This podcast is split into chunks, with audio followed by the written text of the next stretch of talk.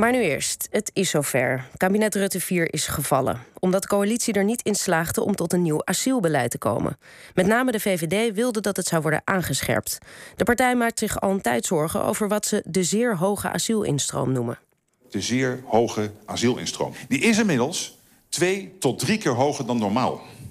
Die moet substantieel naar beneden. Dat vindt niet alleen de fractie, dat vind ik ook. Dat beschouw ik ook als een opdracht. Daar zullen we als partij aan moeten werken... dat die migratiestroom substantieel wordt teruggebracht.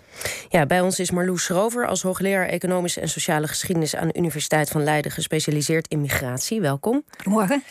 Ja, twee tot drie keer zo hoog als normaal, horen we Rutte zeggen. Klopt dat? Nou ja, ik weet niet waar die dan de norm legt voor dat normaal. Uh, want als je kijkt naar uh, migratie, uh, dan zitten we nu op 400.000 mensen in het afgelopen jaar. Maar slechts 10% daarvan was asielmigranten. Dus 40.000 van deze migranten, 100.000 waren mensen uit de Oekraïne. Daarvoor zie je periodes van toe- en afnames. En 2008 tot 2013 is inderdaad een periode waarin het aantal gering was. Dan neemt het aantal heel erg toe als gevolg van de oorlog in Syrië, dan weer af en nu weer toe. Dus, en dan in de jaren negentig zit daar ook weer de migratie vanuit Joegoslavië voor. Dus ik weet niet waar hij dan de norm legt, legt maar klaarblijkelijk, als ik kijk twee tot drie keer, in 2008.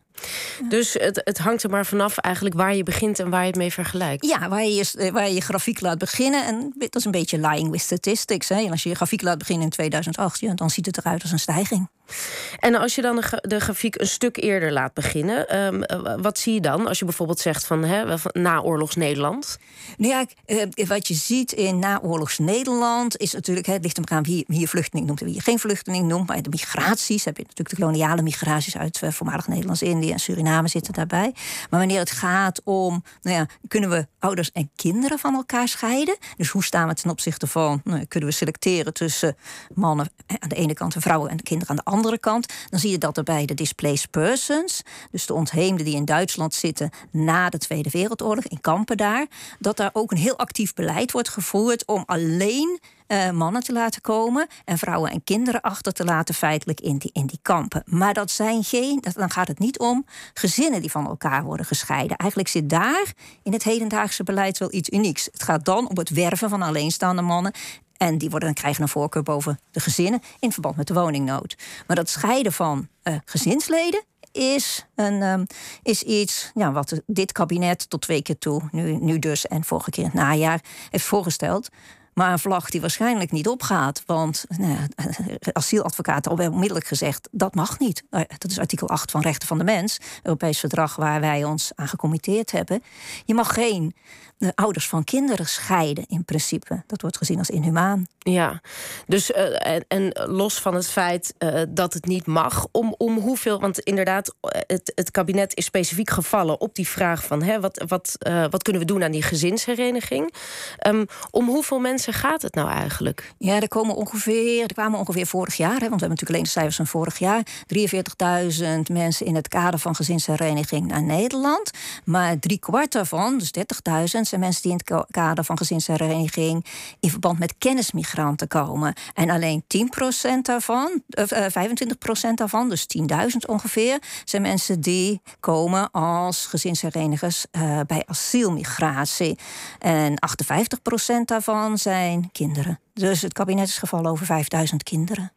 Dat is toch ongelooflijk uh, als je dat moet concluderen, dat het om zo'n om zo'n klein aantal gaat eigenlijk. Uh, dat is verbazend inderdaad. Uh, en het is ook dat je denkt van ja, maar waar laat je die kinderen dan in de tussentijd? Hè? Als je zegt van nou, oké, we geven ze de, die B-status. Dat zou dus het idee zijn dat mensen met een B-status, zoals we die hadden in de jaren negentig, toen het ook niet werkte. Dus dezelfde constructie hebben we al gehad en die is al een keertje afgeschaft omdat het niet effectief was.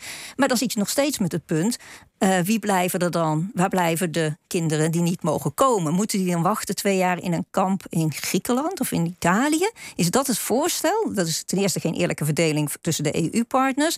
Maar bovendien is dat heel erg slecht, zowel voor de kinderen als voor de ouders. Deze stress die dat veroorzaakt. Dus een gunstig integratietraject zal dat niet opleveren. Je, je had het net al over die uh, migratiecijfers. Hè? En um, als we dan kijken naar, um, uh, even los van die gezinshereniging, naar uh, de grote aantallen eigenlijk in, in West-Europa bijvoorbeeld. wat zie je dan vanaf ongeveer de jaren 60, zeg maar, qua grote aantallen? Want je had het net over, hij laat de grafiek in 2008 beginnen. Mm in, in wat je ziet in, in Europa is een heel wisselend beeld. Wereldwijd zie je dat 3% van de wereldbevolking sinds de jaren 60 buiten het geboorteland woont. En dat is sinds de jaren 60 gewoon 3% Dat is niet verschoven. Voor Nederland ligt dat iets anders. In Nederland is in de jaren 60 4% buiten Nederland geboren. En anno nu is dat 15 Dus je kunt zeggen, nou, daar zie ik dus duidelijk wel een toename. 1960 tot nu is van 4 naar 15% Dus dan zie je overduidelijk een toename op dat punt. Alleen het grootste deel van de mensen waar het dan over gaat, zijn EU-burgers. Dus het gaat helemaal niet over uh, vluchtelingenmigratie. Dit gaat over de mogelijkheden om je makkelijk te verplaatsen binnen de EU.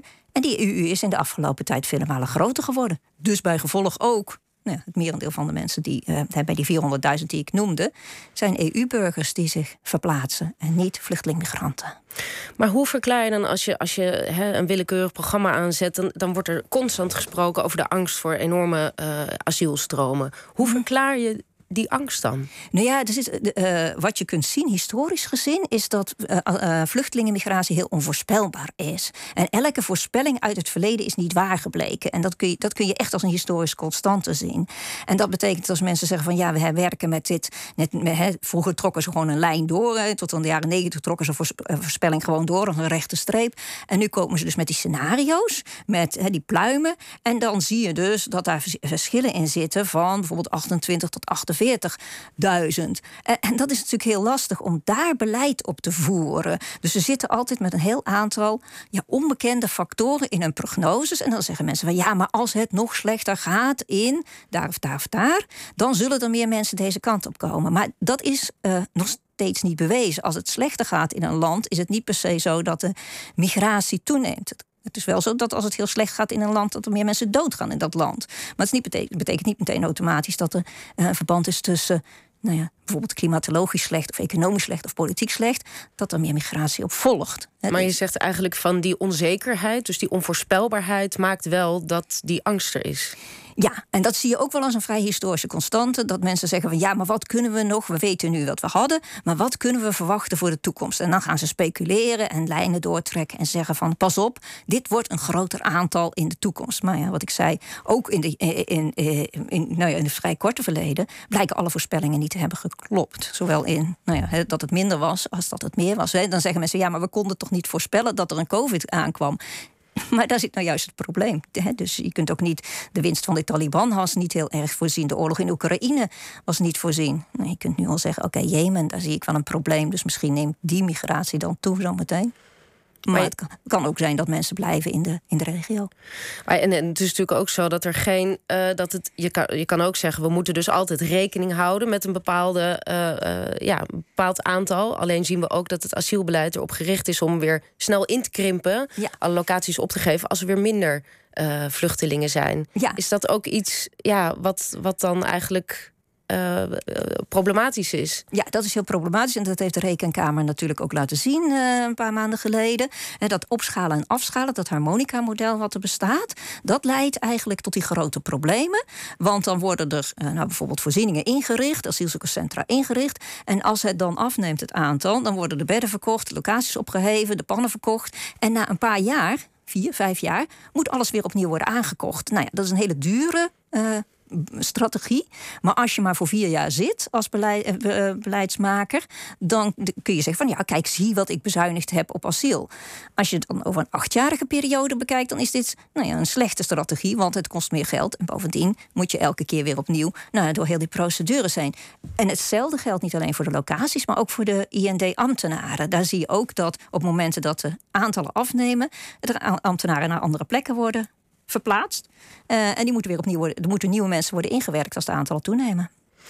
Nu is onze demissionair, uh, demissionair premier historicus. Um, hij, hij zou toch wat verder in de geschiedenis hebben kunnen kijken en moeten constateren dat dit misschien niet zo'n groot probleem is om een kabinet op te laten vallen.